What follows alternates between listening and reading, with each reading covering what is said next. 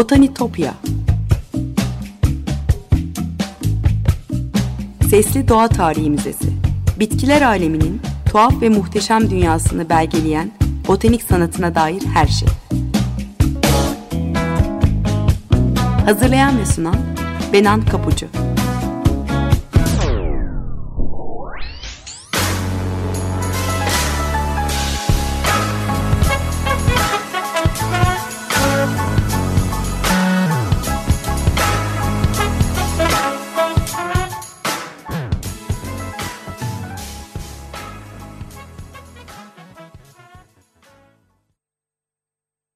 Merhaba sevgili Açık Radyo dinleyicileri.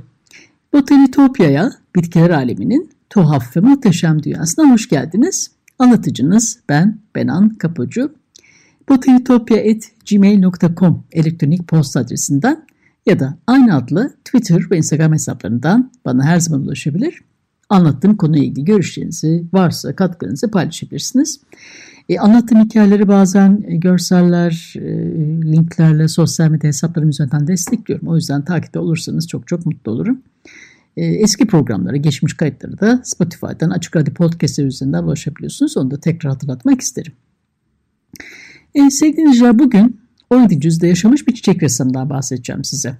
Fransız minyatürist ve gravür sanatçısı Nicolas Robert. E, çiçek buketleri, monokrom çiçek eskizleri, e, lale, sulu boyaları, lale kitabı ile bilinen, e, özenle kurgulanmış gravürleriyle bilinen bir sanatçı. E, botanik tarih açısından onu değerli kılan özelliği doğruluğa gösterdiği özen. Kariyerine e, dekoratif çiçek aranjmanlarının ressam olarak başlamış ama giderek botaniğin de gelişmesiyle e, bitkilerin köklerini, tohum yapraklarını bu gibi ayrıntıları da dahil ederek botanik doğruluğu mükemmel içerikle birleştiren çizimler yapmaya başlamış. 1614 yılında Fransa'da Langres kasabasında bir hancının oğlu olarak doğmuş. O biliniyor ama onun dışında kendi hayatıyla ilgili çok fazla ayrıntı yok. İşleri üzerine epey yazılıp çizilmiş öte yandan. Ben de bu araştırmaları temel alarak size anlatmaya çalışacağım. E, Nicolas Robert'in ilk kitaplarından biri 1641 yılında hazırladığı Girlande Julie.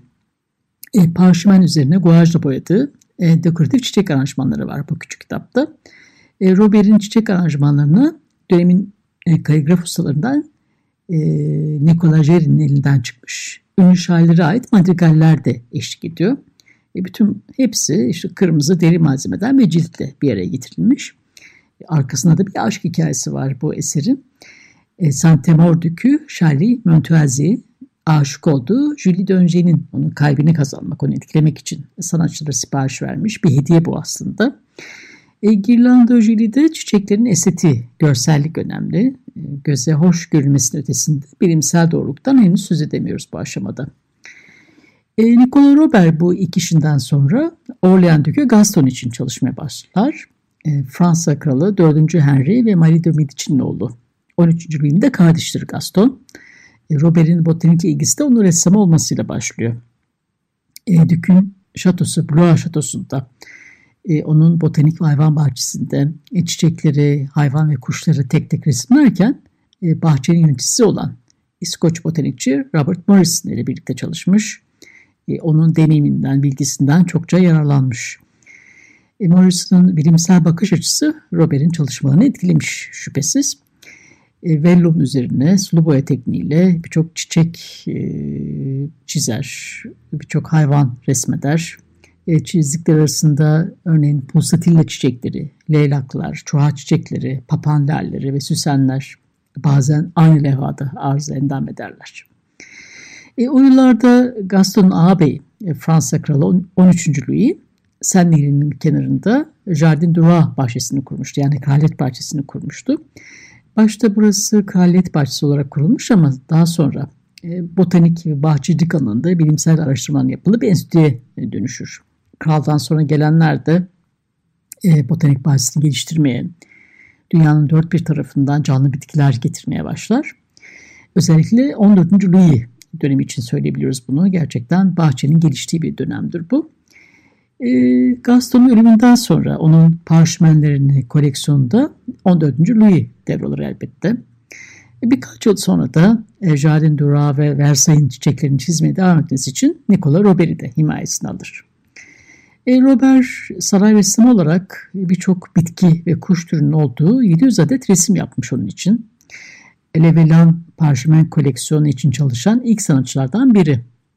E, bugün Fransa'daki Doğa Tarihi Müzesi'nin kütüphanesinde korunan e, Kalet parşömenleri en önemli koleksiyonlardan biri sayılıyor e, botanik tarih açısından. 1635'te başlanmış e, farklı sanatçılar, yeni türler de eklenerek 19. yüzyılın sonlarına kadar sürmüş. 7000'den fazla illüstrasyonun olduğu dev bir çalışma. E, yüzyıllar boyunca bitki ressamlarının gelişim süreci de izlenebiliyor sadece bu koleksiyondan. E, Robert'in çizdiği kimi örnekleri paylaşacağım sizinle Twitter adresim üzerinden. E, Nicola Robert'in bugüne kalan değerli işleri arasında eskizlerin de olduğu iki dosya var. E, imzası olmadığı için ona ait olduğu sonradan anlaşılmış bu e, dosyaların, bu eskizlerin. E, Taşı'nın yayınladığı e, bir kitapta, A Garden Eden kitabında bu eskizlerden örnekler var. E, hangi çiçekler var derseniz e, aksambak, bataklık kadife çiçeği, güne bakan, çuha çiçeği, e, tersaller çizilmiş. Avrupa bahçelerine yeni girmiş birçok bahçe bitkisi. Kağıt üzerine kırmızı tepeşirle çizilmiş bu eskizlerde. E, ikinci eskiz dosyasında teknikler ve malzemeler daha da çeşitlenmiş. E, kırmızı tebeşir, kurşun kalem ve sulu boya gibi birçok farklı boya ve teknikle hem monokrom hem de renkli çalışılmış. E, hangi çiçekler var dersiniz? Turuncu gündüz güzeli var, hercai menekşeler, ağlayan laleler, mavi çarkıfelek gibi yine dönemin gözde bahçe çiçekleri var bu eskizler arasında. E, bir diğer eserde Nicola Robert'in Amerika Birleşik Devletleri Providence'daki John Hay Library'de korunan çiçek kitabı. E, 1665 yılında Roma'da ortaya çıkmış bir kitap. E, kitabı inceleyen Brown Üniversitesi'nden Cohen Balkans bir makalesinde kitabı her yönüyle incelemiş. E, varoluşunda rol oynayan faktörleri, e, dahil olan kişilerin geçmişlerini araştırmış ve yazmış. E, makalede kitabı matbaacı Giovanni Battista de Rossi'nin yayınlamış olduğu yazıyor. E, de Rossi ailesi 1600'lerde çok üretken e, bir aile. Romalı yayıncıların ve matbaacıların hanedanı olarak biliniyor. E, bu cildi kitabın yayınladığı sırada vefat eden Bolonya'dan bir gravürcü, yayıncı ve matbaacı olan sevgili arkadaş Giovanni Orlandi'ye adamış. Giovanni Battista de Rossi.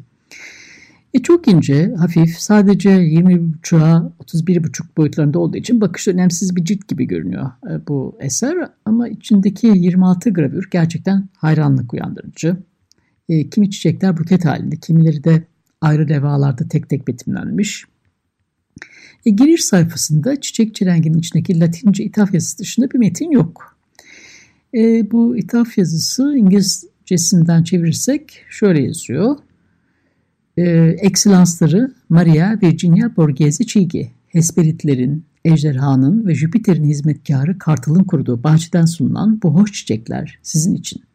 Ben de size amadeyim, kusursuz prensesim. Naçizane hizmetkarınız Giovanni Giacomo de Rossi. E, İtalya'daki en güçlü ve en etkili ailelerden birinin kızı olan Maria Virginia Borghese'nin armasıyla süslenmiş. E, bu levhada çigiyi, meşe ağaçları, ejderha ve kartalı ise e, Borges ailesinin asaletini sembolize ediyor.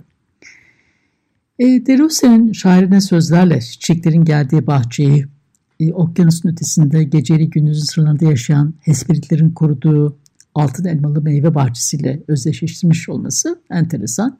Bu meteorolojik tema sıkça karşı, karşımıza çıkıyor biliyorsunuz semboller dünyasında. Ee, geçen hafta Ejderha Kanı Ağaç'ta anlatırken de e, sözü geçti bu öykünün farklı bir biçimde e, altın elmalar onları yeni ölümsüz kalıyordu mitolojik hikayeye göre. E, bahçenin sahibi olan Hera elmaları korumak için başına bir ejderha koymuş ama Herkül birini çalıp Paris'e Paris'te o altın elmayı Helen'e verir ve böylece Truva Savaşı'nı başlatmış olur. E, Derossi Maria Virginia'ya evlilik tanrıçası Hera'dan e, söz ediyor. Bu elbette manidar.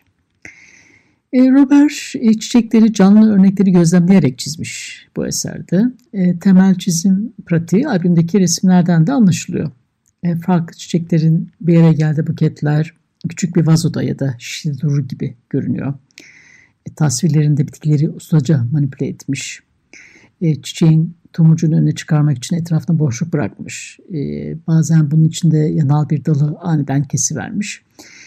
Bu Robert'in e, botanik doğruluğu için e, çabalamasının yanı sıra yaprakları ve çiçek tomurcuklarını atlayarak veya ekleyerek hoş kompozisyonlar yaratmaya çalıştığını da bize gösteriyor.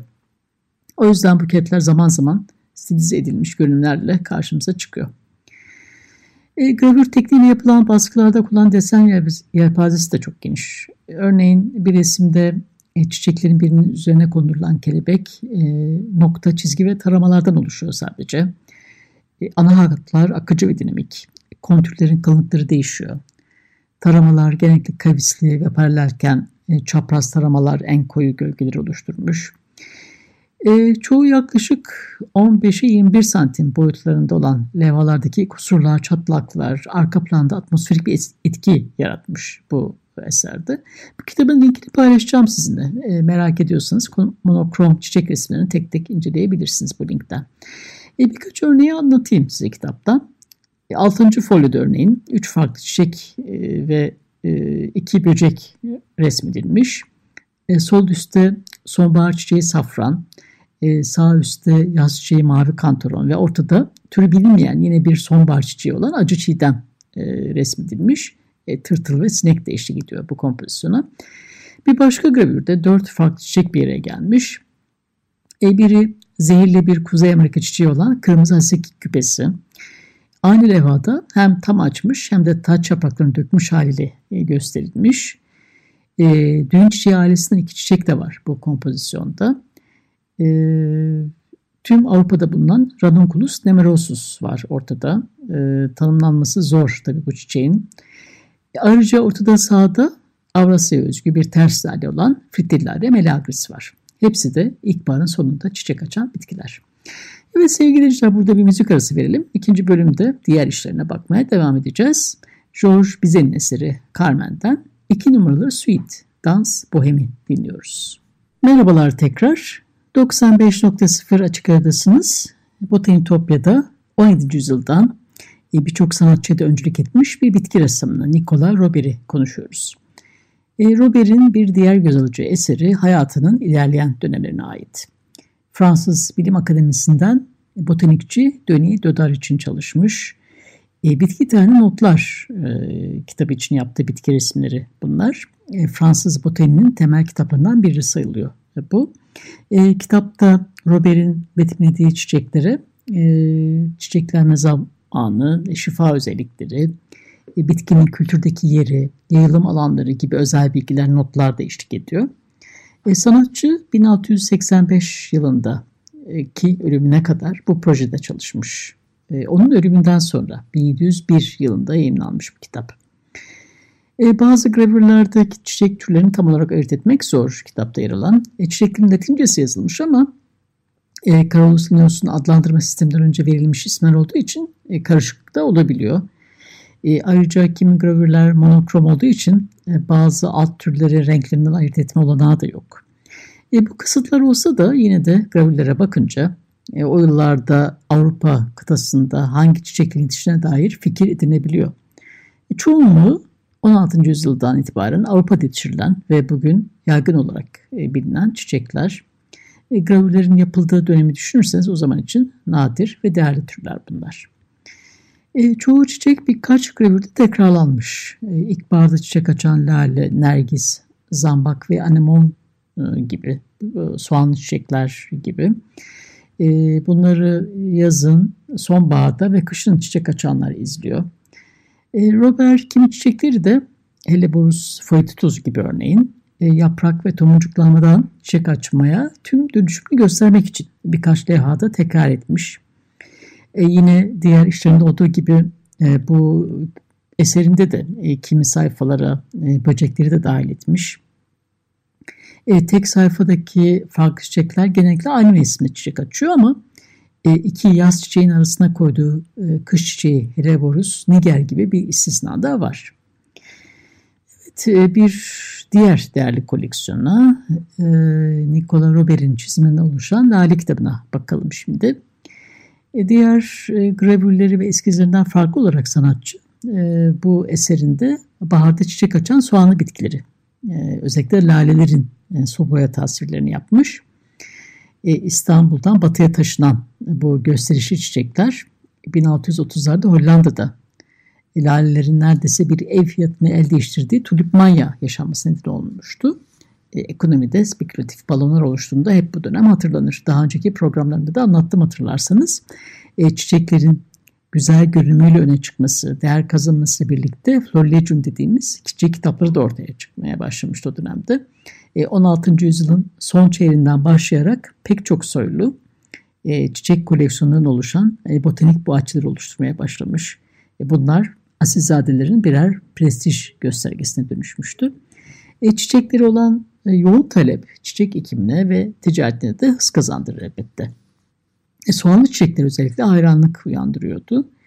Birinci Ferdinand'ın İstanbul Büyükelçisi Ogier de Buzbek'in onun Viyana'ya gönderdiği tohumlar, laleler ve diğer soğanlı bitkiler e, prestij göstergesi olarak bahçelere girdikçe e, çiçeklerin temsil edilme biçimleri de değişir. E, şifa özelliklerinden daha çok estetik görünümleri, görsel nitelikleri vurgulanmaya başlar. Nicola Robert'in işleri de bu anlamda gerçekten değerli örnekler. E, Semper Augusta'dan kırıklı laleleri, o e, virüs nedeniyle ağacalı görünüme kavuşan laleleri özellikle çok görüyoruz bu kitapta. E, o zaman rağbet gören türler. Paris'te de çok meraklısı vardır bu lalelerin. Robert çarpıcı Sloboya resminde bu kırıklı lalelerin e, adını ve sahibini e, yılını da kaydetmiş. E, Monsieur Peruchon'un parlak beyaz lalesi ya da Monsieur Viron'un görkemli lalesi gibi notlar görebiliyorsunuz levhalarda. E, lalelerin yanında cildin son bölümünde e, nergis gibi diğer soğanlı çiçekler de var. E, lalelerin çok rağbet gördüğü 17. yüzyılda lale tüccarları müşterilerini bu lale kitaplarıyla etkiliyorlardı. E, lale kitapları estetik açıdan elbette yüksek bir değeri sahip ama özünde pratik amaçlara hizmet ediyordu. Kural olarak neredeyse hiç metin içermeyen e, bu kitapların odak noktası öncelikle e, zevk ve keyif vermekti. E, Nicola Robert'in Lale kitabı çok sayıda basılmış. Başka sanatçılar tarafından da tekrar tekrar kopyalanmış. Bu da çiçeklerin ne kadar ilgi ve talep gördüğünü kanıtlıyor bize. Ee, onun Lale kitabı analitik ve bilimsel temelli olduğu için diğerleri arasında özellikle öne çıkıyor. E, kendisinden sonra gelen birçok sanatçı da etkilemiş. E, onların başında ilk böcek bilimci olan Maria Sibylle Merian geliyor. 1171 e, yılında basılan Surinam'ın Böceklerini Genel Tarih kitabında yer alan özel 7 adet gravürün Robert'dan esinlenmiş olabileceğini söylüyor araştırmacılar. E, çiçek resimlerine hep canlı örneklerden bakarak çalışan Nicola Robert, bitkilerinin genel özelliklerini özenle tasvir etmiş botanik açıdan doğru olması için özel çaba göstermiş. E, doğru çizmeyi önemserken e, benzersiz ve hoş kompozisyonlar yaratmak için bitkinin e, manipüle ettiğini de görüyoruz. E, bilimsellik ve estetik kurgu arasındaki içsel gerilimden, dengeden söz edebiliriz onun çizimlerini anlatırken.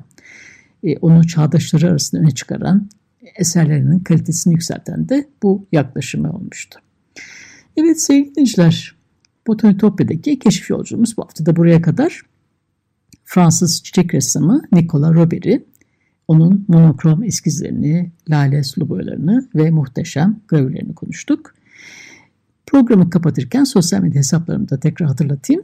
Botanitopya adlı Twitter ve Instagram hesaplarından bana ulaşabilir. Yorumlarınızı ve katkılarınızı paylaşabilirsiniz.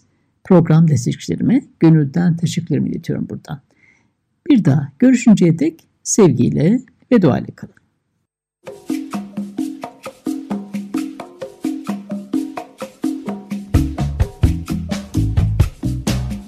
Botanitopya